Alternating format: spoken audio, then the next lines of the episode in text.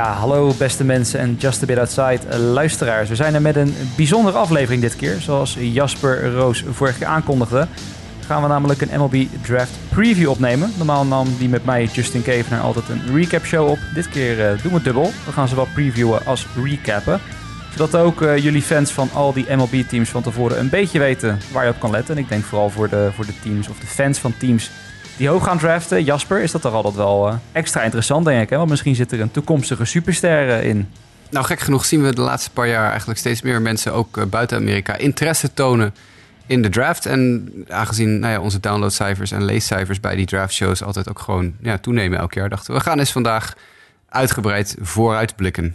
Ja. ja, en ik denk ook vooral, want als ik nou eens mijzelf spreek, ik ben er altijd vooral om het een beetje uh, aan elkaar te praten en jou de voorzetjes uh, te geven. Want ook ik zelf heb het vaak elk jaar, dan komt die draft er weer en dan lees je even snel wat artikelen, waaronder die van jou, om het toch een beetje, een beetje in te lezen. Want ja, daarvoor gaat het eigenlijk, uh, eerlijk gezegd, totaal langs me heen. Het heeft misschien ook een beetje mee te maken dat de, de, coverage van het NCAA baseball vaak net wat minder is dan bijvoorbeeld college football en basketball. Dus zie je vaak die, die echte sterren wel vaak voorbij komen, ook op Twitter en zo. Honkbal iets minder. Maar goed, dat maakt het denk ik niet minder belangrijk. Want uh, er kunnen zowaar, zoals ik zei, wat uh, supersterren tussen zitten. Ja, je zit natuurlijk in de honkbal ook vaak met de high schoolers. Hè? Dat is veel meer dan ja, bijvoorbeeld bij American football. De, de NFL draft draft alleen maar college jongens... die dus Precies. inderdaad al nationale attentie hebben gekregen. En dan zitten ze er al twee, drie jaar. Precies. En dan kom je al een paar jaar kom je elke zaterdag op televisie, weet je wel. Nou, en dat is bij high school honkbal gewoon niet het geval. Dan worden natuurlijk regelmatig high schoolers gedraft. En ja, die kennis die ja, die moet je toch echt opdoen vanuit scouting reports en, en YouTube filmpjes en zo. Ja, ja, precies. Maar goed, laten we beginnen. De MLB Draft van, uh, van 2019. Allereerst voordat we beginnen met de Baltimore Orioles... die de twijfelachtige eer hebben om als eerste te draften. Uh, ja, wat, wat, wat opvallende zaken. Want wat sowieso laten we beginnen qua werpers. Het, houdt niet echt over. Hè? Normaal waren er altijd wel twee of drie pitchers in de top 5 de afgelopen jaren. Maar dat, dat zal nou niet snel gebeuren. Nee, het is een hele rare draft, draft wat dat betreft. Het is uh, behoorlijk top-heavy dit jaar. Mhm. Dus uh, ja, de top 6 is eigenlijk, dat zijn de, de zes beste spelers. En dat weet iedereen. Dit zijn de zes beste spelers. En daarna is het gat ineens heel groot naar de rest. En er zitten bijzonder weinig werpers in. Dus het zou zomaar kunnen dat het voor de eerste keer in de geschiedenis gaat gebeuren... dat de eerste zes plekken naar positiespelers gaan in deze draft. Um, maar dit is een, ja, een, een pitching-loze uh, draft eigenlijk... met maar drie of vier werpers op collegegebied in ieder geval die daar uh, bovenuit steken. En dan wel wat ja, heel groot high school talent. Maar mm. ja, je weet hoe het met high school pitchers is. Dat is, uh, dat is heel erg hit or miss. Of uh, ja, die armen die kunnen er nog wel afvallen en zo. Mm -hmm. Ja. Nou, en ik denk dat dat sowieso, want laten we maar beginnen met de Baltimore Orioles die als eerste draften. Ik denk dat het voor hun sowieso, gezien de geschiedenis, dan ook maar handig is of fijn.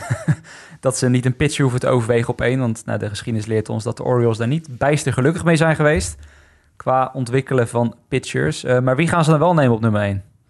Nee, de Orioles die, die hebben inderdaad geen succes gehad met pitchers. Hoewel ze wel de laatste paar jaren veel high school pitchers gekozen hebben. Met Grayson Rodriguez in uh, 2018 en D.L. Hall in 2017. Uh, maar ja, nieuwe, nieuwe ronde, nieuwe kansen voor de Orioles. Volledig nieuw front office, nieuwe GM. En ja, goed, je weet het nooit, want deze GM komt bij de Astros vandaan. Maar het moet wel een heel gekke, gek lopen. Willen zij niet voor Adley Rutschman kiezen, de catcher van Oregon State, college catcher. Mm -hmm. Die ja, toch al ook op meerdere websites de best draft prospect sinds Bryce Harper genoemd wordt. Mm -hmm. uh, eigenlijk de makkelijkste keuze. Dit is gewoon de nummer één speler. En ja, je zal altijd zien dat ze nu toch op het allerlaatste moment weer iets hips gaan doen en, en af gaan wijken. Mm -hmm. Maar het, het, zou, uh, het zou mij hoogst verbazen als ze niet voor Adley Rutschman gaan. Ja, terwijl ik dan wel begreep uit jouw stuk dat ze wel een, een familielid van de ander uh, prospect ergens in de organisatie hebben rondlopen. Dat dat ja, misschien vorig... nog uh, invloed zou kunnen hebben?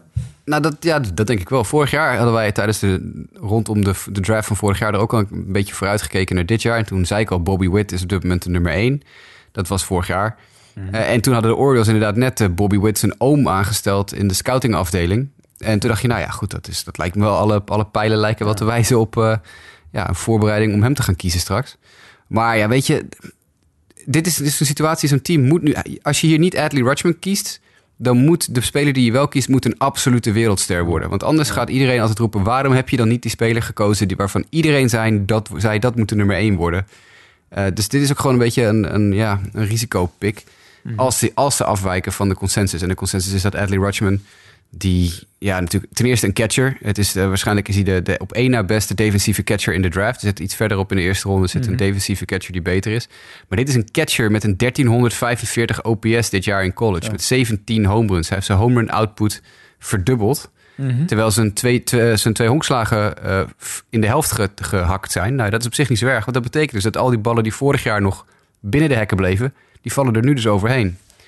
Dus dit is gewoon een catcher die heel duidelijk aanvallende uh, ja, sprongen heeft gemaakt dit seizoen. En eigenlijk gewoon de beste speler in college baseball is. Ik bedoel, als je 4-19 slaat met een 1345 OPS en 17 home runs in college... en dat zijn, dan hebben we het over pak een beetje 180 tot 200 slagbeurten...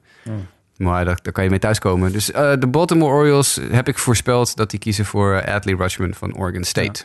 Nou ja, en vooral als je kijkt naar catchers in de, in de MLB tegenwoordig. Ik, ik weet het dan vooral uit onze fantasy leagues. Hè. Catcher is misschien wel de minst diepe positie die er is. Uh, niet veel productie. Dus ik ben benieuwd. Uh, wat, wat, ja, hoe lang zou hij denk je nodig hebben? Stel ze kiezen hem op één. Hoe lang heeft hij dan nodig denk je om, om uiteindelijk de majors te bereiken?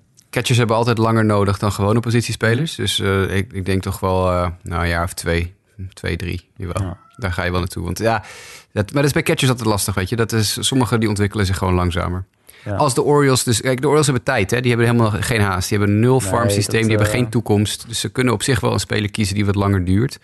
En daarom zou Bobby Witt op zich ook wel in het plaatje passen. Ja. Want dat is een high schooler, dus dat gaat ook nog een paar jaar overheen voordat hij überhaupt uh, de majors bereikt heeft. Maar ja, ook Andrew Vaughn wordt nog genoemd uh, als mogelijke nummer 1 overal. Dat is dan weer een college eerste hongman. Die vind ik dan weer helemaal niet bij de Orioles passen. Hm. Ja, Goed, je noemt naam dan al Bobby Witt uh, Jr. Dat is dan een mooi bruggetje, denk naar de, naar de tweede pick voor de Kansas City Royals. Want jij denkt dat zij daar wel voor all-in voor Witt gaan, toch? Dat is alles wat ik heb gelezen en gehoord en gezien... is dat de Royals helemaal 100% Bobby Witt Jr. zijn. En zelfs als Adley Rutschman niet gekozen wordt... maar stel je voor, de Orioles kiezen Andrew Vaughn...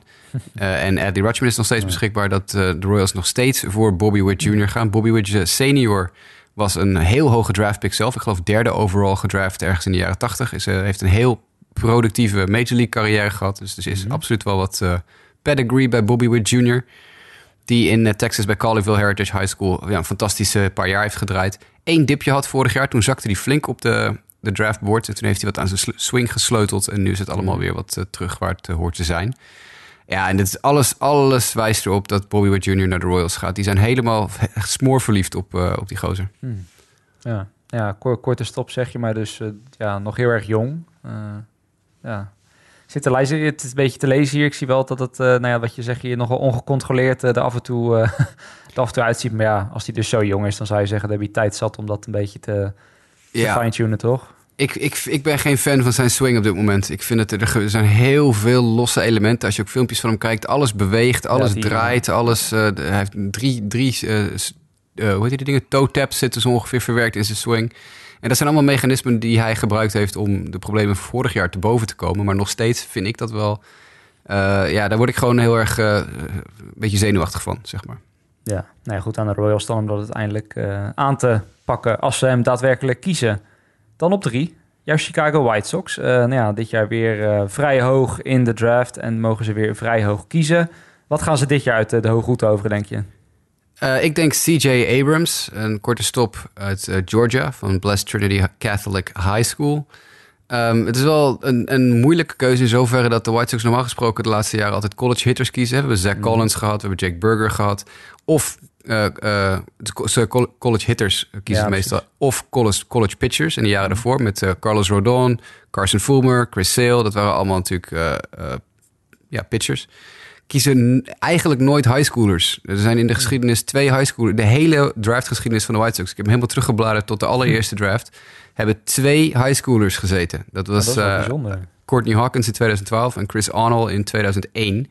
Dat waren de enige twee uh, high schoolers. Die zijn ook helemaal gesjeest. Die zijn helemaal geflopt allebei. Ik kan net zeggen, want dat zegt bij echt drie keer niks. Ja, dat is echt verschrikkelijk, inderdaad. Courtney Hawkins, weet je dat nog? Die was die gozer die een backflip maakte op draft day op televisie. Ik weet niet of je dat oh. filmpje wel eens gezien hebt. Die was in de studio in New York. En die maakte toen een backflip uh, toen hij gedraft werd. En toen dacht iedereen, wow, wat een atleet. Dat was meteen zijn meest indrukwekkende moment als een White Sox-speler. Ja, het was verschrikkelijk, ja. Maar goed. Um, gek genoeg, ja, je luistert naar die interviews met bijvoorbeeld de scouting director Nick uh, Hostadler. En die zegt dan bijvoorbeeld ook... ja, we hebben de laatste paar jaar hebben we, uh, wat oudere spelers gedraft... wat oudere uh, ja, college performers gedraft... omdat we snel onze farm uh, wilden toekomstproof maken. Dus spelers die op, ja, binnen één of twee jaar al kunnen helpen... als het nodig is, als die rebuild voorbij is. Maar nu hebben ze hun hele farmsysteem vol zitten... met al die college jongens... en hebben ze iets van, nou, nu kunnen we wel weer wat meer jonger talent gaan halen. En ja, dan kom je met een handvol spelers in dit geval. Ik vind CJ Abrams wel een leuke speler. Uh, korte stop met echt een kanon van een arm. Heel goede slagman. Veel power waar hij nog in gaat groeien. Het is echt wel een uh, serieuze atleet. Speelt ook uh, Team USA, heeft hij meerdere keren ingespeeld. Zijn school, Blessed Trinity High School... Die reist het hele land rond langs de meest moeilijke toernooien. De meest zware toernooien worden die spelers gewoon voor de leeuw gegooid. Dus hij heeft ook al behoorlijk wat competitie gehad. Um, Nick Hofstadter, de drafting en scouting director, zegt... we hebben zes spelers op ons lijstje staan. Vijf positiespelers en één pitcher. We weten natuurlijk niet wie dat zijn... maar dit is al wel meer informatie dan we normaal gesproken krijgen... van scouting directors. Er zijn dus zes spelers op het lijstje. Ik denk persoonlijk dat Zach Thompson, een lefty van Kentucky... die ene pitcher is. Want dat is, vind ik, een typische White Sox pitcher. Um, niet de andere werpers. En verder, ja, Andrew Vaughn wordt genoemd. J.J. Bleday van Vanderbilt wordt genoemd. Hunter Bishop van Arizona State wordt genoemd. Mm -hmm. En ja, Nick Hofstadter zei over Bobby Witt Jr. dat hij zijn vader heel aardig vindt. maar ja, goed, oké. Okay, ja, dat, dat, is, uh, ja. ja, dat kan natuurlijk helpen hè, voor het geval dat hij denkt... nou, voor het geval dat hij valt. Ik vind je vader Precies. heel aardig. Ja, nou ja, ik, ik denk uh, CJ Abrams. En dat is wel echt uh, een van de beste atleten. Een van de snelste honklopers ook in de draft. Ja. ja, dat vind ik ook altijd wat fascinerend eraan. Wat je natuurlijk net al bij voorbaat dan al aangaf. Hè, dat je altijd die highschoolers hebt die, ja, waar je eigenlijk niet zo goed beeld van hebt. Die voorbij komen. En dat, dat maakt het denk ik ook het risicovol. Hè? Want het is vooral bij die highschoolers denk ik. Ja, het plafond kan echt sky high zijn natuurlijk. Maar ja, de vloer die kan daarmee ook des te lager zijn natuurlijk. Precies, dat is altijd ja. het, het, risico. Want ja, die jongens veel, zijn nog veel minder grote sample size, ja. ja. Geen grote sample size. Dus het uh, maakt dat risicovol. Maar inderdaad, gezien deze historie dan... en gezien de huidige situatie van de White Sox... zou het inderdaad wel uh, logischer kunnen zijn dan de Miami Marlins. Die draften maar als vierde, zou je zeggen. ze doen het niet heel goed en uh, ze staan niet eens in de top drie. Maar goed, als vierde zijn ze wel aan de beurt. Nou, het is geen publiek geheim, denk ik. De Marlins hebben heel veel nodig, maar ze kunnen helaas toch maar één speler hier kiezen. Wie gaat dat dan waarschijnlijk worden, denk jij? Ja, dat is een uh, moeilijke kwestie, want er schijnt nogal wat ruzie te zijn. Of in ieder geval wat uh, oh, ja, het zal weer eens gedonder te zijn. Ja, het zou een keer niet inderdaad. Ja. Uh, bij de Marlins in het, in het front office. Want uh, de heer D. Jeter die heeft zijn voorkeur. Maar dan heb je ook nog de Marlins scouting director. Dat is DJ Swillick. Mm. En die heeft weer een andere voorkeur. Dus op het moment dat je GM en je scouting director ja, lijnrecht tegenover, staan, tegenover elkaar staan... dan wordt het ja, misschien een beetje ja. ja. problematisch. Uh, Jeter wil Riley Green, uh, de outfielder uit uh, een high school in Florida. Haggerty High School. Mm -hmm. Maar ik denk dat de Marlins kiezen voor J.J. Bleday van Vanderbilt. Ik noemde hem net al even. Hij staat ook waarschijnlijk op het lijstje van de White Sox. Mm -hmm. um, en dat, ja, die link is eigenlijk vrij makkelijk gelegd. Want uh, de Marlins scouting director DJ Swillick is, uh, was tot vorig jaar een coach bij Vanderbilt. En was mm. dus een coach van J.J. Bleday. Dus ze kennen elkaar heel goed. En laten we wel wezen, J.J. Bleday is een van de beste, zo niet de beste outfielder in deze draft. Uh, op collegegebied in ieder geval. Um, ja, kijk, weet je, Blade is zo goed, veel power, uh, enorme toegenomen home run productie dit jaar. Uh, vorig jaar sloeg hij vier home runs, dit jaar sloeg hij er al 23. Hm. Um, OPS over 1000 heeft het all-time single-season home run record van Vanderbilt verbroken. Nou, dat is ook een heel historische. Uh, Ik kan het zeggen, dat is best wel een baseball school, toch? Ja. Precies, ja, fantastische ja. baseball school. Echt een, uh, echt een serieuze, serieus programma. Mm -hmm. Dus JJ Bleday zou wel als, als talent wel bij de Marlins passen. Ik zou hem ook wat oud vinden. Nou, oud, ja, je hebt het over een college jongen, maar ja, de Marlins hebben weer helemaal niks, zeg maar. Dus die moeten ook misschien wat meer jeugd erin pompen. Maar goed, we hebben het over een college speler. Dus uh, ja. ik, ik, ik zeg JJ Bleday. Ja, nou ja, wat, inderdaad wat je dan ook in het stuk zegt. Hè, de Marlins, die, uh, nou goed, we kennen de verhalen, bespreken we wekelijks ook in onze podcast. Dat het uh, vrij treurig is wat er uh, momenteel ook vooral op aanvallend gebied bij de Marlins het veld in wordt gestuurd. En nou ja, zo'n jongen die dan al wat dichter er tegenaan zit, dat geeft in ieder geval de fans die er wel zitten.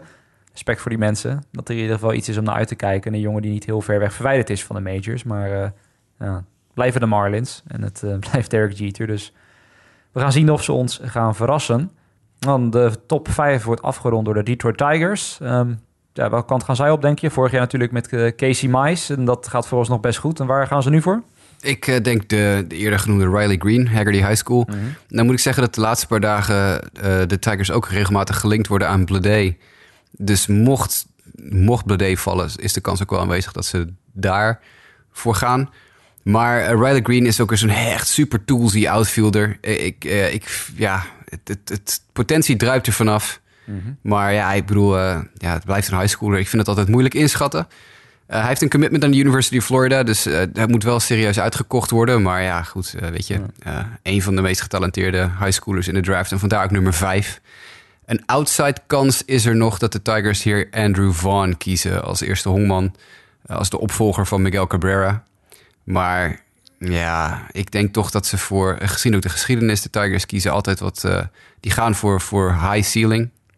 En dat is Green ook echt wel serieus. Ja. Ja. Nou ja, wat ik zei, vorig jaar lijkt, lijkt de keuze in ieder geval tot nu toe wel te werken. Want Casey Mize, ik heb toevallig wat cijfers Ja. gezien wat hij momenteel aan het doen is. Dat, eh, Ja, die gaat als de speer. oeh, als hij dat doortrekt, dan is hij denk ik veel eerder in de majors dan, dan, dan men zou denken. Want die was toch ook piepjong vorig jaar toen ze hem, toen ze hem kozen. Ja, sophomore of een junior in college, geloof ik. Nou ja, en had vorig, jaar, had vorig jaar natuurlijk wel ehm, de Golden Spikes Award niet gewonnen. De Gol- Golden Spikes Award gaat naar de beste performer in college baseball elk jaar. Mm. Maar Andrew Vaughn, die dit jaar in de draft zit, versloeg hem vorig jaar. Dus dat is wel opvallend dat Casey Mize natuurlijk vorig jaar first overall gaat. En dat we nu de top 5 gehad hebben en Andrew Vaughn nog niet eens eh, Ja. ja. gehad hebben, zeg maar. Ja, maar dan heb ik zo'n gevoel. Maar goed, dat eh, baseer ik dan op jouw artikel. Dat hij hier er nu aan gaat komen. Want de San Diego Padres natuurlijk dit offseason een grote slag geslagen. Horen ze waar een beetje bij de contenders eh, vooralsnog. In de National League West. Maar ze mogen hoog kiezen. En nou, ik geloof dat Andrew Van dan best wel een kans maakt, toch? Ja, als hij er nog is hoor. En dit is misschien, dit is, kijk nogmaals, ik baseer, dit is mijn mock draft. Dit is hoe ik hem zou zien. wel. Ja. Precies, dus het zou best kunnen zijn dat Andrew Vaughn als tweede of derde gekozen wordt. Die kans is er serieus. Alleen ik heb Andrew Vaughn een paar plekken laten zakken vanwege het feit dat hij een eerste honkman is. En eerste honkmensen komen gewoon historisch gezien in de draft niet zo goed eruit als in de eerste ronde. Er worden ook vrijwel nooit eerste honkmensen in de eerste ronde gedraft die daadwerkelijk uitgroeien tot supersterren. Ehm, dus dit is, dit is ehm, ik geloof dat er twee of drie zijn geweest eh, in de geschiedenis die eh, daadwerkelijk een redelijk productieve Major League carrière hebben gehad. En Andrew Vaughn is wel echt een serieus, eh, echt misschien wel de beste slagman in de geschiedenis van college baseball, is hij al genoemd. Hij heeft vorig jaar dus de Golden Spikes Award gewonnen. Eh sloeg 4 4-0-2 met een 1350 OPS, 23 home runs, 63 RBI's en een OBP ruim over de 500 in nog geen 200 slagbeurten, 199 slagbeurten. Ja, dit is echt dat is een absurde, absurde prestatie. Ehm, hij speelt bij de University of California eh, in, eh, in die divisie waar ook niet echt, nou, dat je denkt dat het heel makkelijk gemaakt wordt. Nee, precies. Maar het blijft een eerste honkman. Weet je, het blijft een eerste honkman. En je moet als eerste honkman die verder ook defensief... Hij is goed hoor, defensief. Maar ik bedoel, het is een eerste honkman... die op den duur waarschijnlijk eh, aangewezen slagman wordt. Ja, dan moet je toch wel echt ongelooflijke productie leveren in de Major League. Wil je een, een top 6, 7 draftpositie... eh, dan moet je een pak- categorie Paul Goldschmidt worden, weet je wel. Zo, Zo'n... Ja. Of, of een Miguel Cabrera in zijn hoogtijdagen. Dus da- ja, daarom heb ik hem een paar plekjes laten zakken. Ehm, ik vind het wel een hele goede speler, voor wat Ja. dat waard is. Maar ja, goed, Ja. blijft, blijft een eerste hoekman. Als, als de Padres niet, toch niet voor Vaughn gaan... die wel in de rebuild zou passen... Hè, want ze hebben nu die hele jonge core... en daar moeten ze dus nu spelers gaan, aan, gaan toevoegen... die Ja, vrij snel al Ja, eh, door kunnen stromen. ik alleen te denken, zou, zou Hosmer dan niet in de weg zitten? Want die zit er dan al wel een paar jaar. Tenminste, Ja, dat mits is- zijn contracten door blijft lopen en mits ze hem niet wegtrainen. Nou, dat is denk ik wat ze dan gaan doen. Dan gaan ze hem proberen te shoppen, ja. Dat is, eh, Maar goed, ik bedoel, Vaughn kan je ook gerust nog twee jaar in de minors eh, stallen, hoor. Dat is ook niet zo'n probleem. tuurlijk, tuurlijk. Uh, maar uh, hij kan in principe ook wel doorstromen. Uh, mochten ze dan denken van... oké, we gaan toch de high school ronde. Dat is op zich ook niet gek. High school of junior college misschien.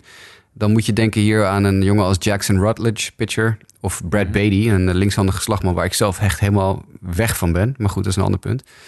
Uh, maar ook J.J. Bleday en Bobby Witt Jr. mochten ze vallen... uh, zijn op het lijstje van San Diego terug te vinden, denk ik. Dus ja, dat zou een beetje mijn top 5 zijn hier. Dus, dus Vaughn bovenaan voor hen, dan Rutledge of Beatty... en dan Bleday en Witt Jr. Ja. En dan komen we bij 7 uit, de Cincinnati Reds. En dan denk jij dat uh, waarschijnlijk de eerste werper toch van het bord afgaat, hè? Nick Lodolo van Texas Christian University, TCU. Goeie naam, goeie naam. Ja, dat, die was vorig jaar had hij enorm veel hype. Dat was, dat was, was hij in de running om, om first overall gekozen te worden dit jaar. Nou heeft hij dat helaas niet waar kunnen maken vandaag. Of vandaag, dit seizoen. Ja. Tot op vandaag. Um, toch, ja, lefty met een mid-90s fastball. Weet je, dat is, daar gaan mensen, daar houden ze wel van. Goede controle. Um, de Reds, ja, dat weten we allemaal. Die hebben tijden al moeite met pitchers. Uh, moeite met pitchers opleiden ook. Ze hebben dus mm. hun huidige rotations ongeveer helemaal bij elkaar gekocht. Ja. Uh, dan kan je wel beter een speler als Nick Lodolo draften. Want die heeft wel een vrij hoge vloer. Oftewel, hè, de, de, de, de ondergrens is vrij hoog. Um, of hij nou zo'n super hoge ceiling heeft, weet ik niet. Of hij nou echt dat tot een super all-star kan uitgroeien, weet ik niet. Maar mid of the rotation, middle of the rotation werper moeten we echt wel, echt wel kunnen. Dus ik, ik ja, gezien de, de, de staat van de organisatie lijkt Lodolo mij voor de Reds geen gekke keuze. Ja. Nou, wat je net zegt, ik bedoel, met, met Sonny Gray dit jaar, Tanner Roark. Uh, dus er zit er geloof ik nog eentje tussen. Inderdaad, dat zijn allemaal van die wat uh, gasten rond de 30 die ze inderdaad bij hebben moeten halen. Omdat het verder gewoon echt uh, drie keer niks is. Ze hebben natuurlijk wel die jongen, wat was het nou afgelopen jaar? Hunter Green? Zeg ik, of was het twee jaar geleden? Ja, maar dat, ja, dat is al twee of drie jaar geleden. Maar die heeft Tommy John ook, hè? Dus ja, die, precies, is, uh, die zijn, was ook een high schooler. Ja. Dus uh, ja. nee, ik, ik zie uh, ik zie Lodolo wel. Dat vind ik wel een, een, fit bij de Reds. Ja, ja. Dan gaan we door naar, naar acht. De Texas Rangers. Jij denkt dat ze in state blijven met hun keuze? Ja, hier ga ik waarschijnlijk de fout in. Maar dit is denk ik misschien meer ja, Het wordt ook steeds moeilijker natuurlijk. De, de, kans dat er fout in gaan zitten, die... Oh ja, na de top 6, na de top 6 heb je echt ge- niemand heeft enig idee. Het is echt, ja. het is fantastisch. Ook wel leuk om te zien hoor. Want dan, je leest al die sites, al die draft sites. En er zijn er heel veel. Alles van de, van de bekende van mm. Baseball America en Fangraphs en MLB.com. Tot de veel onbekendere scouts en draft watchers, 2080 Baseball, noem maar op. Uh, niemand is het erover eens na de top 6. Het is, het is één grote chaos. Uh, Brad Beatty, ja, weet je, ik zei het net al, ik ben echt ontzettend gecharmeerd van Brad Beatty. Die heeft zo'n geweldig mooie linkshandige swing. High schooler uit, uh, uit Texas. Um, ik hoop heel erg dat hij hoog gaat. En ik denk dat de Rangers dat, dat, wel, dat er wel een match is. Maar hij is ook al wel 19. Hè? Hij is een heel oude high schooler. Hij is al 19 jaar oud. Dan ben je, echt, uh, dan ben je oud. Ik wil zeggen, is hij ergens blijven zitten? Of, uh... Ja, hij is blijven zitten. Ja. Dat, ja. Uh, ik neem aan dat hij het een keertje een jaartje over moest doen. Of een keer een jaartje getransferd is of zo. Mm -hmm. Maar ik, uh, ja, weet je, de Rangers willen geld gaan besparen. Dat is ongeveer wel een beetje uitgelekt. Dus de kans bestaat dat ze spelers gaan kiezen, wat hoger gaan kiezen. Die normaal gesproken pas wat lager in de draft zouden gaan. Mm, zodat ja. ze wat minder hoeven te betalen. En dus dat geld later in de draft kunnen besteden aan andere spelers die ze um, willen overhalen om toch prof te worden. Mm. Ja, dan, dan zit je met jongens als Jackson Rutledge, Cody Hose of Brad Beatty in je, in je gedachten. Ja, doe dan maar Brad Beatty, want dat vind ik, uh, dat vind ik wel ja, bijna wel top 10 waardig inmiddels. Uh, die heeft ja, heel veel helium. um, dus ja, daar hou ik al van. Hunter Bishop is een college variant. Als, als, als de Rangers de college variant kiezen, dan uh, moet je op Hunter Bishop letten van Arizona State. Hmm. Um, ja, en als ze Beatty kiezen, dan is de kans ook nog wel aanwezig dat ze in de tweede ronde Jimmy Lewis zijn teamgenoot kiezen. Want er is een gerucht dat de Rangers heel erg druk bezig zijn met die twee in een soort pakketdealtje binnen te krijgen. Dus allebei voor uh, wat goedkoper geld en dan met z'n tweeën naar de Rangers. Ja. Dus uh, ja, nou, Brad Beatty, de kans bestaat serieus hoor dat hij pas over 10 picks gaat. Dat hij ergens rond 18, 17, 18, 19, 20 gaat. Maar ik vind het, ik, ik, ik vind het geweldig om naar te kijken. Dus doe maar lekker in de top 10. Ja, daarom. En dat mag ook wel een beetje die mock drafts. Dat je net een persoonlijke darling net iets... Uh, hij is er een van. Hij is mijn, denk ik mijn hitter darling. Ik heb ook nog een ja. pitcher darling. Die komt straks nog. Hmm, nou, ben benieuwd. Maar goed, je noemt het net er. Hunter Bishop uh, is dan een beetje de college variant van, van Arizona State. En jij hebt dan in jouw mock draft ook meteen als volgende uh, verwezen... tot de Atlanta Braves, die als negende kiezen. Ja, Atlanta Braves die natuurlijk een pick hebben gekregen... omdat uh, Carter Stewart vorig jaar niet getekend heeft. Dus ze ja. krijgen dan één, één plek later. Dus negende. Um, ja, Hunter Bishop is, uh, is, dat zou wel een beetje een steal zijn hoor, op 9 denk ik. Want die is, uh, die is ook van, ik geloof, 10 home runs in 100 wedstrijden in 2018 naar 22 home runs in 49 wedstrijden in 2019 gegaan. Dus die is ook wel echt gigantisch um, omhoog geschoten. Hij heeft zijn swing iets aangepast. En ik ben nog niet erover van overtuigd of... Ja, dat heeft, aan de ene kant heeft dat voor heel veel power ge gezorgd... maar ik weet niet of dat in de majors gaat werken. Het is een soort springveermechanisme. Hij gaat door zijn knieën een paar keer... en als een soort ja, springveer springt hij op en ramt hij die bal weg. Ik, ik ben er niet helemaal super te gek van... maar het is over het hele plaatje gezien. Hij kan slaan, hij kan geweldig verdedigen, hij heeft een superarm... Uh, ik, uh, ik geloof ook wel in, in Hunter Bishop. Dus de Braves zouden een behoorlijke steal krijgen als ze hem daar kunnen draften. Trouwens, het broertje van Seattle Mariner, Braden Bishop, hmm. voor de triviante liefhebbers. Kijk. Ja, en ik zou de... zeggen, nou, wat ik nog wilde toevoegen, want je noemde het net aan het begin aan Carter Stewart. En voor de mensen die denken, hè, wat was daar dan mee? Dan zou ik zeggen, luister vooral de laatste podcast. Hè, van, daar zit Carter Stewart uitgebreid in. Inderdaad, nou, richting het einde van de aflevering hoor je het toch wel vrij opvallende verhaal van, van Stewart. Wat nog wel eens gevolgen kan hebben, maar dat, dat is toekomstmuziek. Maar ja, en mochten, mochten de Braves uh, niet voor, voor uh, Bishop gaan, dan, uh, ja, dan zijn er nog wat namen als Jackson Rutledge, daar is hij weer. Mm -hmm. Bryson Stott en Shea Langeliers. Dat zijn allemaal namen die genoemd worden nog voor de Braves. Maar dat zijn mijn backup keuzes. Ja, dan daarna de Giants aan de beurt, nummer 10. Dus Nick D'Alessi, doe zet snel je geluid wat harder aan. Luister goed. Wat denk jij Jasper, wat de Giants gaan doen hier? Uh, ik denk aan Alec Manoa. Hoewel dat ook weer de laatste paar dagen... Kijk, ik maak die mock drafts een week van tevoren en update ze niet. En inmiddels beginnen weer een paar dingetjes te verschuiven. Alec Manoa was wel heel erg veel aan de Giants gekoppeld. En nu zakt Manoa één plekje. En gaan de Giants vaak andere dingen doen. Maar ik hou het er nog even bij dat ze voor uh, de college rapper van West Virginia gaan. Uh, enorm hoge ceiling, Manoa. Maar ook wel echt een hele lage floor waar hij al een paar keer doorheen gezakt is dit seizoen. Hij heeft niet zo'n heel goed seizoen. Speelde een paar weken geleden met West Virginia tegen TCU van Nick Lodolo. Toen gooide Manoa voor West Virginia en Lodolo voor TCU. Nou, Manoa die stortte helemaal in hmm. tijdens die wedstrijd. En daar, was het, daar waren echt, ik denk, alle scouts van alle Major League clubs waren daar aanwezig bij die wedstrijd. En Manoa stortte helemaal in. Maar ja, goed, hij heeft wel een hoger plafond waarschijnlijk dan, dan welke andere college pitcher. En dat past wel een beetje, denk ik, bij Farhan Zahidi en zijn, uh, zijn front office in, uh, in San Francisco, waar natuurlijk ook de pitching die in de minors rondloopt op dit moment echt nou, bijna lachwekkend slecht is. Zelfs hun top pitching prospects die mogen nog niet ruiken aan, uh, aan de, de, de jocks van de normale topwerpers bij andere clubs. Dus ja, een, een high upside jongen heeft wel, uh, daar zit wel wat in voor de Giants, denk ik. Dus uh, Alec Manoa is wat dat betreft wel een match. Doen ze dat niet, dan zat Bryson Stott of Cameron Meisner kunnen ook nog hmm. Ja, Ja, het is inderdaad, hè, bij de Giants in meerdere opzichten is het talent een beetje, een beetje verdwenen. En inderdaad ook qua werpers. Ik heb er toevallig een tijd terug naar zitten kijken. Daar word je inderdaad ook niet... Uh, niet nee, dat is echt helemaal niks. En dan hebben ze al jaren bij de Giants over. Tyler Beat, dat gaat het helemaal worden. Nou ja, sorry, die jongen gaat het ook gewoon niet worden. Misschien een nummer 4 of nummer 5 op zijn allerbest. Mm. Maar verder wordt het ook niks. Nou, we gaan het zien. Dan gaan we naar, zoals je het in je eigen artikel noemt, een beetje de, de middenmoot van de draft. Ook letterlijk, maar ik denk ook wel... Uh, als je kijkt naar kwaliteiten, want je zei het net rond de top, dan is het echt van, uh, nou ja, likkenbaarden zeg maar, van de prospects. En hierna wordt het echt een, een grote grijze middenmoot waar waarschijnlijk denk ik ook heel veel kan gebeuren. Qua, uh, ja. en, uh, of onmogelijk veel kan gebeuren, nagenoeg. Maar goed, de Toronto Blue Jays, die zijn dan als eerste aan de beurt in die, die grijze middenmoot, om het dan zo maar te noemen. Wat gaan zij daarin doen met die elfde pick? Ja, weet je, dat is er geen idee. Uh, dit, nou, dat was de podcast voor... ja. dat was het tot nu toe. Nee, het is, het is, uh, vanaf hier wordt het echt gokken. En ga ik ook waarschijnlijk niet zo heel veel goed hebben. Um, ik, toen ik deze, dit onderdeel uh, schreef... Um, heb ik ze Corbin Carroll toegewezen. De Lakeside High School outfielder. Ja, die ook weer echt enorm getalenteerd is. Maar ja, ook misschien niet iemand is die je al gelijk als elfde wil selecteren. Maar de kans dat hij in de tweede ronde nog is, is gewoon heel klein. Dus mochten de Blue Jays hem willen hebben... en er is wel heel veel nieuws te vinden geweest... dat er daadwerkelijk spelers of, mensen van de Blue Jays... veelvuldig bij wedstrijden van uh, Carroll zijn geweest... Uh, dan is dat misschien wel de gok die we moeten wagen. Um, ja, ook hier Bryson Stott wordt genoemd als, als andere mogelijkheid. Maar ik, ik zeg Corbin Carroll, een hele toolsy, hele atletische outfielder uit Washington. Ja. Nou ja, wat je ook noemt in het stuk, dat een outfielder ook wel heel erg logisch zou zijn in de zin dat uh, Blue Jays best wel veel middle infield talent hebben rondlopen in de minors. En, uh... ja, die hebben een volledig infield waar ze over een paar jaar eh, mogelijk met de main All-Star wedstrijd staan. Als je Vlad Guerrero, mm. uh, Lourdes Gurriel, Kevin Biggio. Ja, precies, net op inderdaad. Bichette komt, komt, er nog aan, denk ik. Komt, komt Bo Bichette er nog aan. En dan Rowdy Teles op één of zo. Dus dat, die kunnen allemaal... Dat, is, dat infield is wel voor elkaar. Alleen outfielders hebben ze niet echt heel veel. Dus, nee, nee. Goed, we gaan het zien. Dan de New York Mets. Van onder andere mij en ook onze trouwe luisteraar Dennis Dennis Jansen. Ja, wat, uh, wat gaan de Mets ons brengen?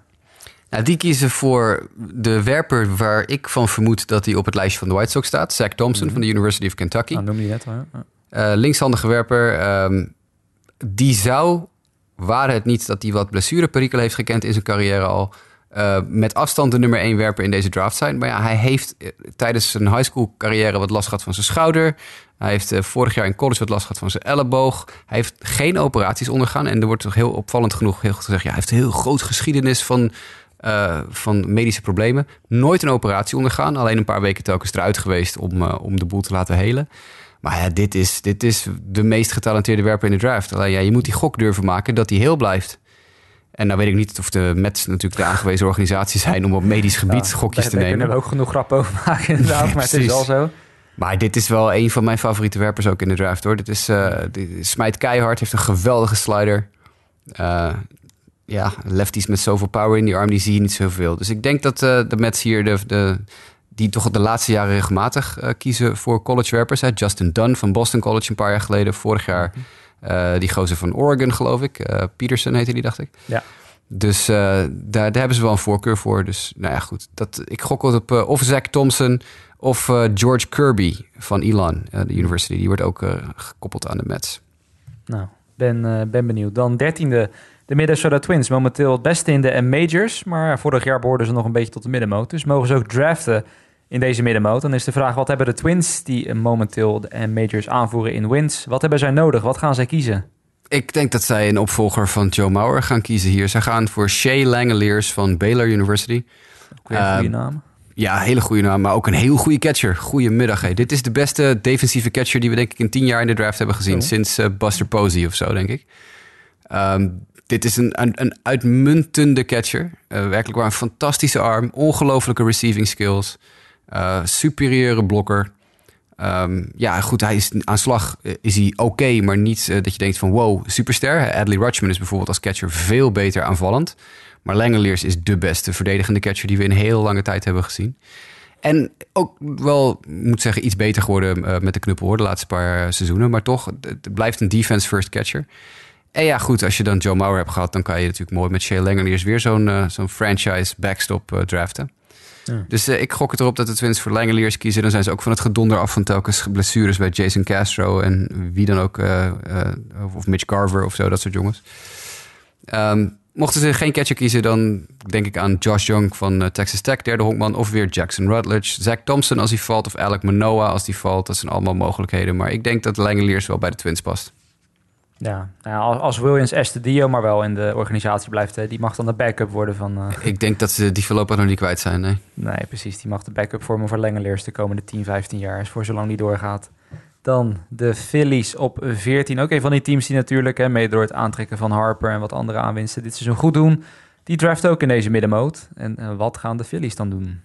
Uh, ja, ook dat is weer niet helemaal duidelijk. Um, ik denk pitching, dat sowieso. Want ze, ze worden gekoppeld aan uh, onder andere ook weer George Kirby, die ik net al even noemde, Alec Manoa, uh, Matthew Allen. Maar ik denk dat ze kiezen voor IMG Academy product uh, Brennan Malone, rechtshandige werper, high school werper uit Florida. Die ja, zo ontzettend hard kan gooien voor een high schooler. Die gooit tussen de 96 en 99 mijl per uur. Um, een groot contingent Phillies scouts en, en higher-ups zijn gespot bij hem bij uh, een van de wedstrijden, een van zijn allerbeste wedstrijden die dit seizoen heeft gegooid. Uh, dus de kans is wel aanwezig dat uh, Malone hoog op het lijstje van de Phillies is uh, verschenen inmiddels. Net zo goed als natuurlijk George Kirby. Die, dat is, die jongen die moet je voor de gein eens opzoeken. Dus, dus zijn strikeout percentage of zijn strikegooi percentage is echt gigantisch. Die jongen gooit bijna alleen maar slagballen. Hm. En dat past natuurlijk ook wel bij de Phillies. Want Aaron Nola was in profiel gezien een vergelijkbare werper als George Kirby. Ja, en verder uh, kan je dan denken aan jongens als Bryson Stott of Josh Young, die heb ik allemaal genoemd. Maar ik, eh, ik denk dat ze een pitcher kiezen en dan is Brandon Malone gezien zijn fantastische optreden in die wedstrijd waar al die Phillies scouts en, uh, en bobo's waren, is dat wel een, een logische keus. Ja, ja, nu komen we inderdaad bij het deel. Je zegt het net al dat je toch een beetje dezelfde alternatieven gaat noemen die dan waarschijnlijk vrij snel ook aan bod komen in de mock draft. Want de volgende is inderdaad zo'n naam die we al vaker voorbij hebben zien komen hè, bij de Los Angeles Angels op 15. Bryson Stott, korte stop van eh, UNLV, University of Nevada, Las Vegas. Dat is een, uh, een, een uh, ja, Sport America special, deze keuze. Want ik geloof dat er geen enkele andere bron is die Bryson Stott naar de Angels heeft voorspeld. En wij zijn de enige daarin. You heard um, it here first. Ja, en voor hetzelfde geld zitten we natuurlijk gigantisch hard naast. Maar ze worden vooral heel veel gekoppeld, de Angels, aan uh, Keone Cavaco. Ook een infielder, een derde honkman, high school derde honkman. Maar uh, ja, bij de familie Bryson Stott kan gewoon niet verder vallen dan plek 15. Daar is hij gewoon te getalenteerd voor. En uh, ik denk dat de Angels toch ook wel doorhebben hoe belangrijk een goede korte stop is. Natuurlijk ze jarenlang al met Andrelton Simmons een van de beste korte stops in, uh, in de American League. Um, ik, ik, ja, ik zie dat wel. Het past wel. een jaar of twee, drie verder, dan, dan is dat wel een, een, type waar je een, ook een lekker beetje attitude, weet je wel. Echt een figuur die een beetje swagger in je organisatie kan brengen weer. Goede swing, lefty. Dus uh, ja, ik, eh, ik, ik vind het wel passen, ja. ja. Dan de Diamondbacks op 16. Daar uh, vind ik het vooral opvallend dat jij zegt dat ze hun financiële spierballen gaan laten zien bij hun keuze. Ja, de Diamondbacks hebben het hoogste draftbudget dit jaar. 16 miljoen dollar uit te geven door al die spelers die ze kwijtgeraakt zijn. Dat is echt gigantisch veel.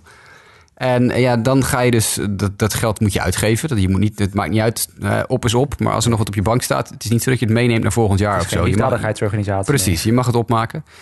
Dus ik denk dat de, de Diamondbacks die drie picks hebben in de eerste ronde... hier meteen al bam flink uh, in gaan zetten... en gaan proberen een van die jonge supertalenten...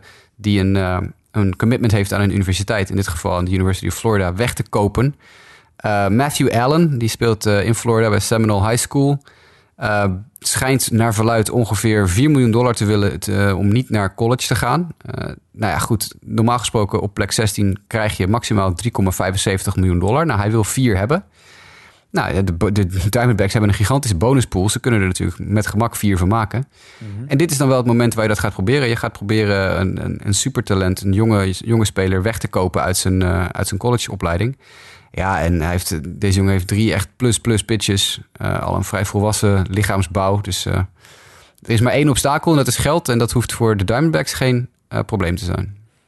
Kijk, nou, dat is inderdaad wel vrij vrij belangrijk. Dan 17, de Washington Nationals. Uh, nou ja, je zegt dan in je stukje al, die hebben natuurlijk aardig wat goede werpers weggetrade. Waaronder ene Lucas Giolito. Ik heb hem van de week ook een keer zien gooien. Toevallig omdat jullie het in de pot erover hadden. En toen dacht ik van, nou laat ik eens een keer gaan kijken. En Giolito is ondertussen uitgegroeid tot een van de meest dominante werpers. In ieder geval dit seizoen. Maar ja, het uh, wegtraden van dan Giolito heeft er wel voor gezorgd dat de Nationals niet meer zo heel veel pitching prospects hebben. En jij denkt dan ook dat ze dat aan willen gaan vullen? Ja, ze hebben door de jaren heen ze hebben ze, ze hebben vier top pitching prospects gehad. Giolito, Reynaldo Lopez en Dane Dunning... die ze alle drie weggestuurd hebben in die trade voor Adam Eaton. En Eric Feddy, die hopeloos geflopt is tot nu toe. ik zag hem laatst wel weer opduiken inderdaad. Maar was niet ja, maar niet als starter geloof ik. Hij doet wat reliefwerk hier en daar. Dus een beetje een betrouwbare werper in de minors kunnen ze wel gebruiken. En dan kom ik uit bij George Kirby van uh, Elon...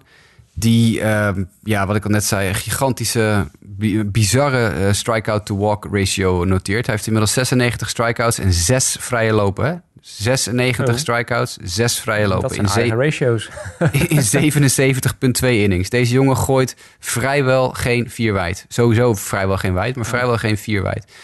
Um, in de Cape Cod League vorig jaar gooide hij een 1,38 ERA met een 24 tegen 1 strikeout to walk. Voor elke 24 strikeouts gooide hij één vrije loop.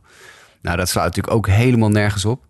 Uh, ongelooflijk veel controle, heel dominante stuff.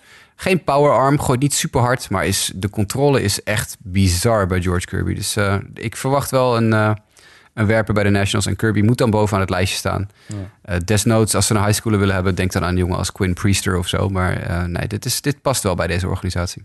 Nou, nou, als hij ooit gedraft wordt en hij groeit een beetje door, dan zet ik hem sowieso op mijn fantasy baseball lijstje. Want ja, 96 tegen 6, ratios uh, ja, volhoudt, dan uh, is dat een goede voor je strike-out-to-walk ratios als je die stats in je fantasy league hebt. Dat, dat klikt het aardig op.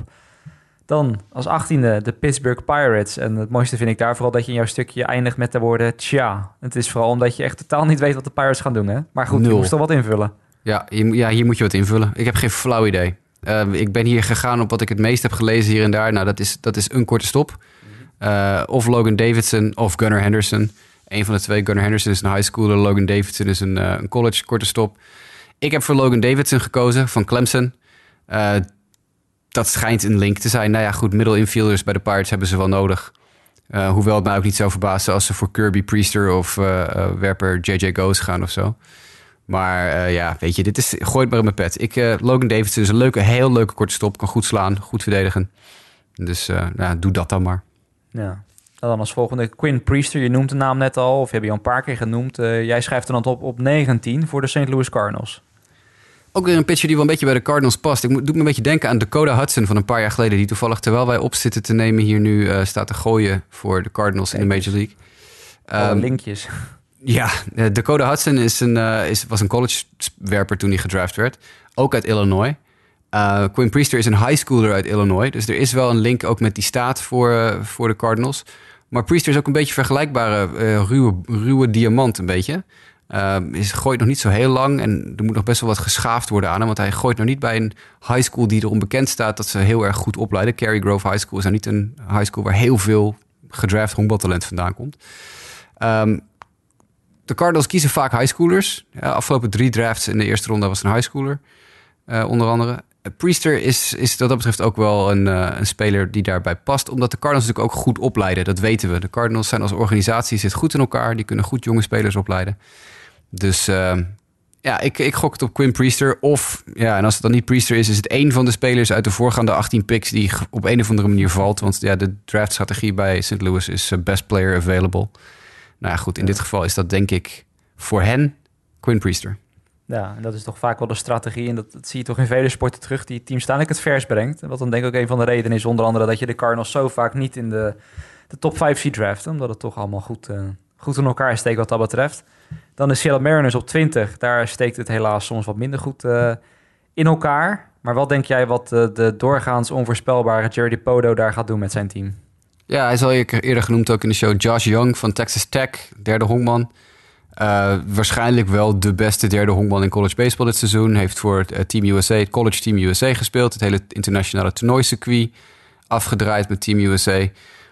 Um, is een leuke speler. Ik vind hem vooral leuk omdat hij meer goed doet dan hij fout doet. Het is niet zo dat hij echt super, super ster is of heel erg uitblinkt. Maar toch, weet je, dit is wel gewoon een goede speler. Um,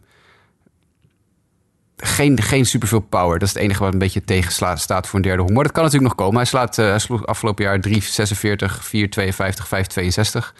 Uh, sorry, dat is zijn carrière stats waren dat. Ja. En Seattle heeft de laatste jaren regelmatig college gekozen. Evan White vorig jaar, Kyle Lewis een paar jaar geleden. Dus de, de college route is voor Seattle niet heel, uh, heel verrassend. Josh Young is wel zo'n speler dat al, vindt een team hem of een organisatie hem heel leuk, dan kan hij ook zomaar tiende of elfde gedraft worden hoor. Want dat is, als je eenmaal in hem gelooft, dan geloof je in hem.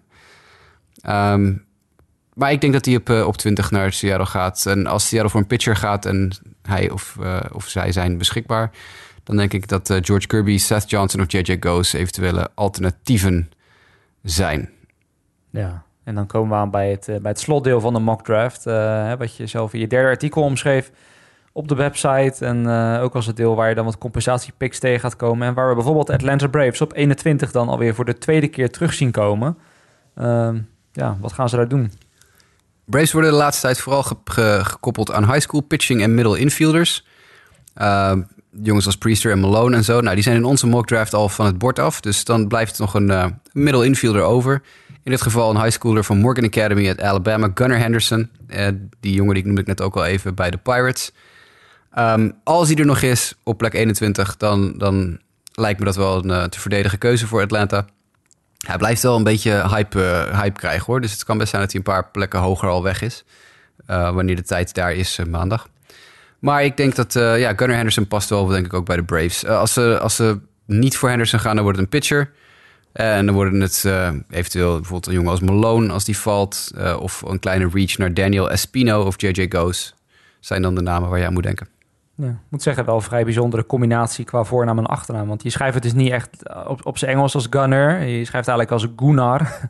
Als je bijvoorbeeld iemand uit Noorwegen zou kennen of zo die zo heet. Dan zit ik Gunnar Henderson. Vind ik wel apart. Misschien dat hij ja. toch ergens een Noorse oom heeft of zo. Waarvan die die voornaam... Of een Noorse opa. Dat zou zeggen waarvan die die voornaam dan heeft uh, meegekregen. Maar... Nou, mooi. 22e, de Tampa Bay Race. Die oh zo slimme Tampa Bay Race. Gaan zij hier ook weer iets slims doen, denk jij? Dat weet ik niet, uh, want dat is altijd een beetje de vraag. Maar uh, Kioni Cavaco heb ik uh, toegewezen aan de Tampa Bay Race. Eastlake High School, derde honkman. Um, een beetje, ik heb hem omschreven als Josh Young light. Maar dat is misschien net even iets te weinig credit aan hem geven. Want light bedoel ik vooral dat hij een paar jaar jonger is... en dus wat minder sterk is en wat minder hard slaat en zo. Maar hij is wel defensief veel beter dan Young. En, en als honkloper, hij is ook super snel. De scouts hebben een 70 aan hem gehangen. En de scoutingschaal gaat van 20 naar 80. En 80 is dan, uh, nou ja, categorie Billy Hamilton. Hm. En hij krijgt een 70. Nou, dat is wel echt, uh, echt heel veel. Ja, dan kan je nog steeds wel aardig rennen. Dan kan je aardig rennen, ja. En, uh, en begint ook steeds meer korte stop te spelen. Dus hij kan inmiddels op meerdere posities in het infield uit de voeten. Uh, dat past ook wel bij de race, die, meerdere, die altijd meerdere spelers in de line-up hebben die op meerdere posities uit de voeten kunnen. Hè. Dus die jongens, die Brandon Lowe, die in tweede honk en outfield terecht kan. Door de jaren heen hebben ze meerdere spelers gehad die ze konden schuiven. Dat vinden ze leuk. Nou, dat past bij Cavaco ook wel. Ehm, dus ik, ik, ik zie het wel gebeuren, maar ik zie het ook gebeuren dat Cavaco op plek 15 al weg is. En dan moeten de race iets anders doen. En dan wordt het bijvoorbeeld een Gunnar Henderson of een high school pitcher of iets dergelijks. Nou, in ieder geval ook hier weer een goede naam, moet ik zeggen. Kioni Cavaco.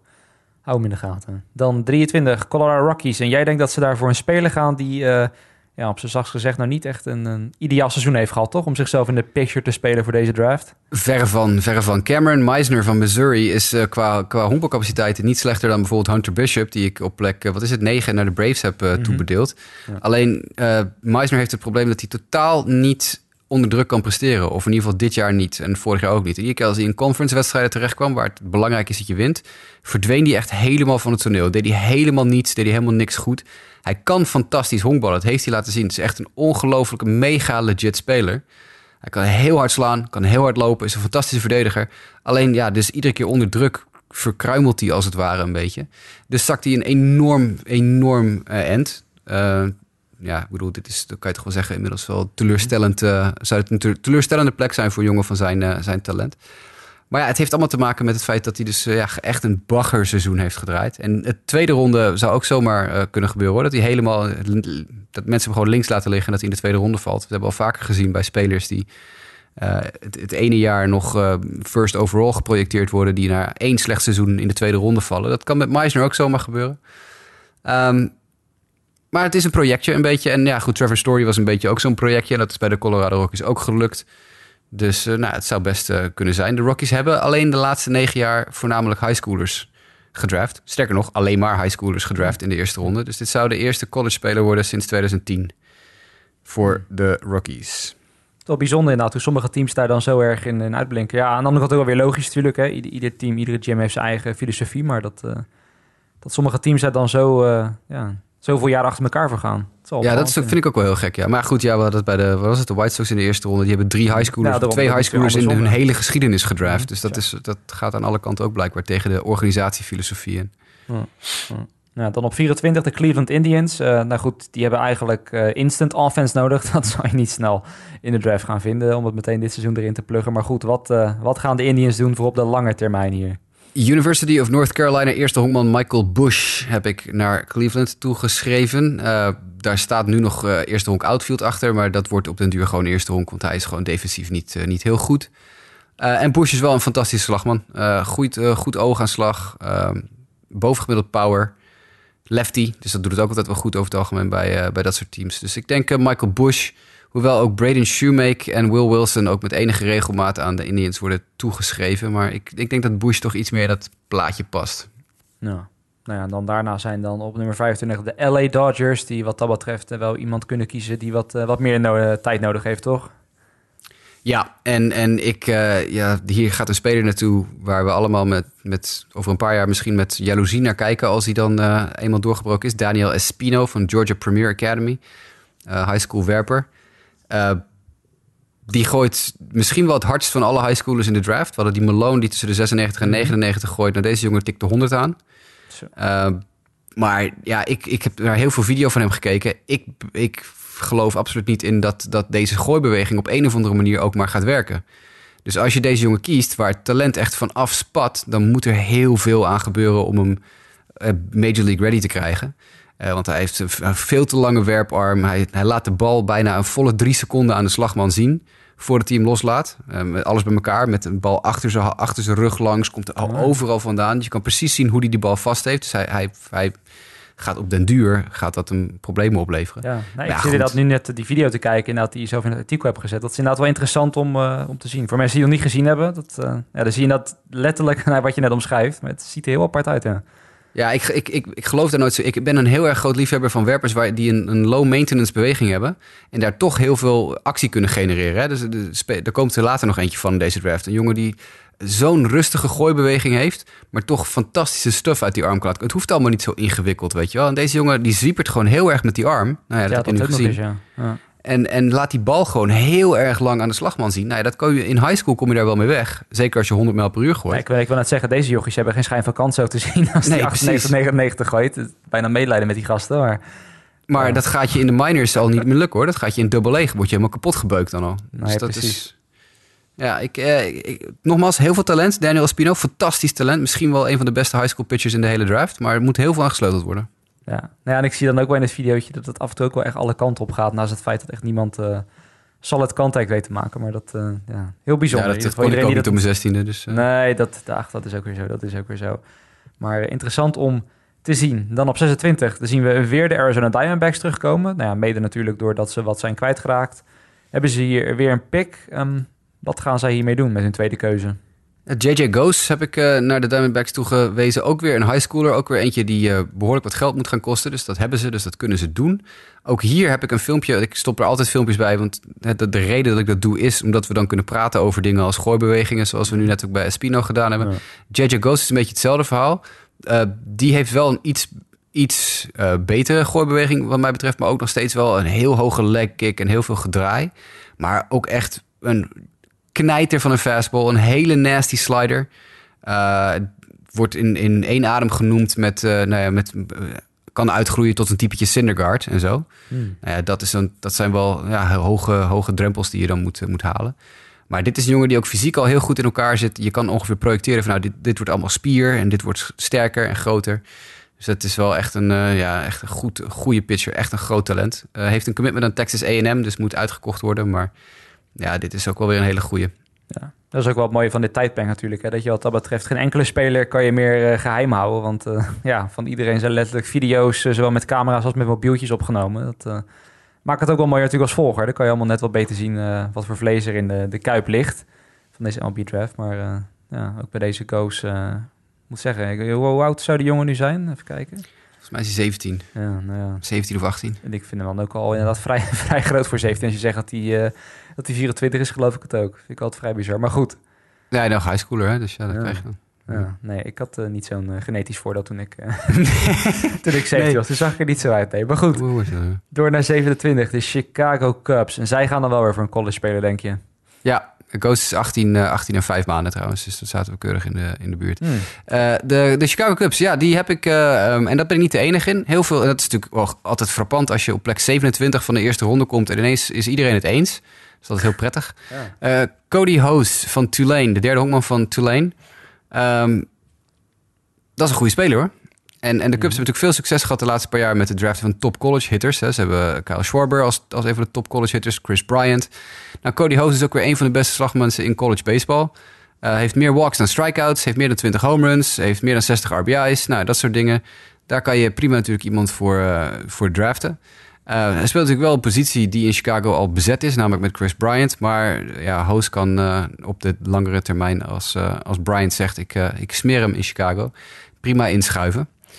Um, dus dat is ook wel een, een, een goede mogelijkheid, Cody Hoos. Ja. Kiezen ze niet voor een positiespeler, dan lijkt Seth Johnson van Campbell een optie te zijn voor de Cubs. Hmm. Nou ja, dan zou je zeggen, dan kan je hem altijd nog misschien naar het outfield uh, schuiven. Want deze jongen ziet wat dat betreft wel wat atletischer uit dan, dan Carl Swarber uh, destijds. En ook nog steeds anno nu, ondanks dat Swarber er wel wat fitter uitziet. Maar nee, zeker ja, weten. In, het, in het outfield is dat nog steeds niet echt om, uh, om aan te gluren. Nou, het is grappig dan. Je zegt het net, Seth Johnson van Campbell is een alternatief. En jij denkt dan in dit scenario van jou dat dan de buren uit Milwaukee met hem aan de haal gaan, hè? Ja, ik, uh, dit, is, dit is hem. Ik zei een uh, half uur geleden, er komt nog een pitcher aan... Dat, die mijn persoonlijke favoriet is. Dit is hem. Seth okay. Johnson van Campbell. Uh, terwijl ik zit te praten, moet jij maar even het filmpje aanklikken... en even vertellen wat je van zijn gooibeweging vindt. Um, even kijken. Super clean, vind ik het. het, is, het is, er zit bijna geen bewegend element in die gooibeweging. Het is één soepele, ja. vloeiende gooibeweging. Precies, het is wel wat, wat strakker inderdaad. Ik ben beslist geen kenner wat betreft throwing motion... dat soort dingen, maar je hoeft inderdaad geen kenner te zijn om te zien dat hij een stuk strakker is dan meneer uh, Espino net. Ja, dit is allemaal één groot. Dit is gepolijst. Dit is, dit is, die bal blijft mooi lang verstopt. Uh, er is balans. Hij, hij tilt zijn been op. Hij, hij laat zijn, zijn, zijn kracht op in zijn heupen. Hij heeft een goede, goede afzet met zijn been. Dit is één en al. is één schitterende, vloeiende gooibeweging.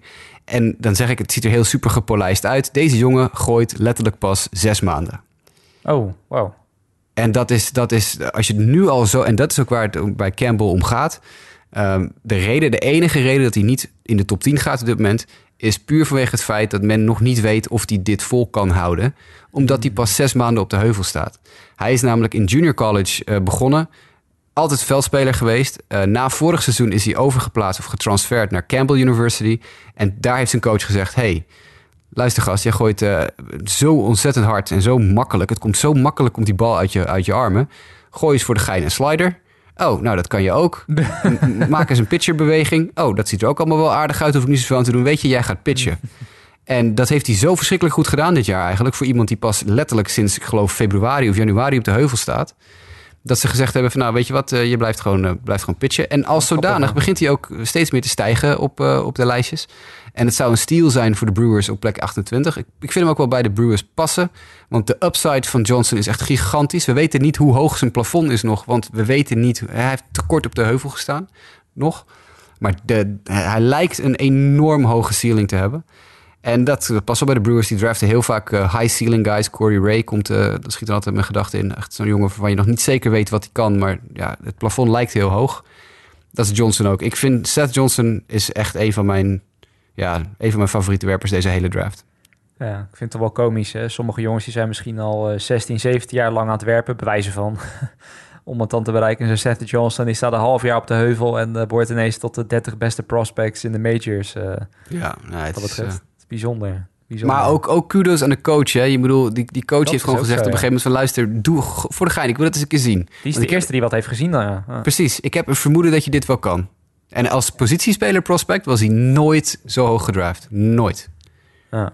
ja. Dus ja. Dan als 29ste de Oakland Athletics. Nou ja, we kennen allemaal het drama van vorig jaar uh, rond Kyler Murray. Hè. Daar, daar spraken we toen in superlatieven over. En het grappige is geloof ik in die podcast toen, die, die uh, draft recap... toen hadden we het er nog over van... nou ja, maar hij gaat gewoon een jaartje bij Oklahoma even zijn dingetje doen... maar hij zal nooit uitgroeien tot een number one draft pick of zo. Nou, een, een, jaar later number one in de NFL draft. En Kyler Murray zal waarschijnlijk nooit voor Oakland gaan spelen... Uh, dus ja, wat gaan ze dit jaar doen om uh, de pijn te verzachten? Ja, ze gaan in ieder geval niet uh, afwijken van de high upside uh, draft uh, die ze vorig jaar ook gedaan hebben. Mm. Ik heb dit jaar gedacht dat ze Greg Jones, de korte stop van UNC Wilmington, University of North Carolina Wilmington, gaan kiezen. Ja, ook super toolsy. Ehm, kan er niet zo heel veel over zeggen. Goede speler, solide speler, korte stop. ja, heel, heel toolsy. Dus ook weer heel erg veel upside. Het kan hartstikke fout gaan, maar het kan ook super mooi uitpakken. Ja, dan, dan bij, de, bij de onderste drie komen uit. Beginnen bij de Yankees. Wat gaan de New York Yankees doen? Tyler Callahan heb ik uh, daar naartoe geschreven uit Providence High School, Florida. Uh, een van de betere high school hitters wel in Amerika. En, en de Yankees hebben in het verleden daar wel, uh, wel wat in gezien. Bijvoorbeeld Blake Rutherford in 2016 was ook een van de betere high school hitters toen in de draft.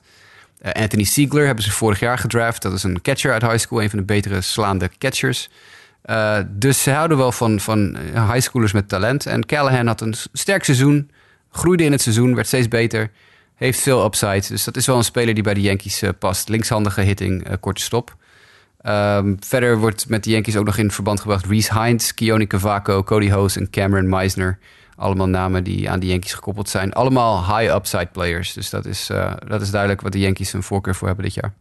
Ja, nou, dan ene laatste, de Los Angeles Dodgers. En jij denkt dat ze daar dan gaan voor uh, de eerste speler eigenlijk die we nu tegenkomen, die een zogeheten two-sport athlete is. En vorig jaar met Kyler Murray hadden we er eentje met heel veel hype. En hier hebben we dan een andere jongen die misschien wat minder hype heeft, maar wel een aanbod heeft liggen dus om op college niveau twee sporten te gaan spelen. Ja, en niet zomaar een college. Hè. Jij weet dat als Amerika voetbalkenner ook. Hij heeft een uh, commitment aan LSU. Dat is Louisiana uh, State. Daar speel je heel graag voetbal, ja, in dat stadion. En, en ook, uh, ook uh, honkbal trouwens. Want LSU heeft ook gewoon een heel goed honkbalprogramma. Ja. Maar inderdaad, LSU's uh, voetbalorganisatie is een van de grotere. Dus als die ploeg je als American voetbalspeler wil hebben... dan ben je wel een, een, dude natuurlijk. En hij kan ook goed honkballen. Dus hij is heel snel, heel atletisch, snelle handen.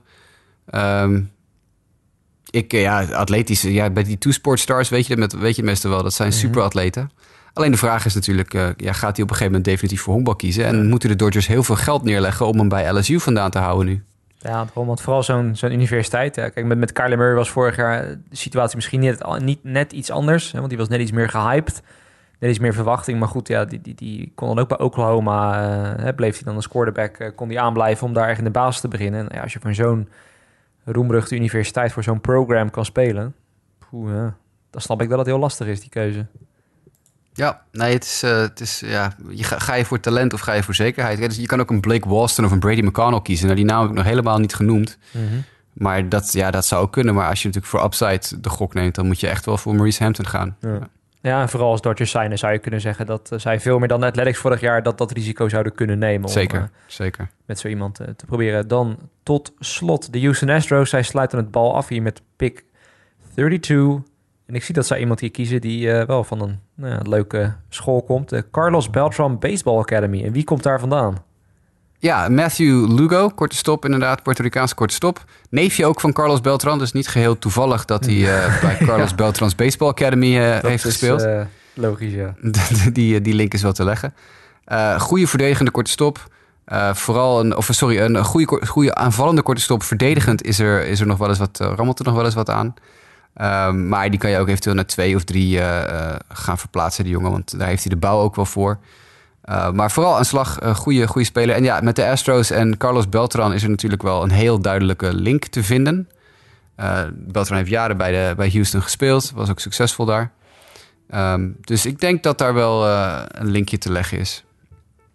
Nou, en daarmee hebben we het dan afgesloten. Hè? In een, bijna een uur precies zie ik. ja, dus geen, voor, de, voor, de, voor de Red Sox fans die zitten te wachten op de Red Sox pick. Nee, helaas, de Red Sox hebben ja. geen first round pick.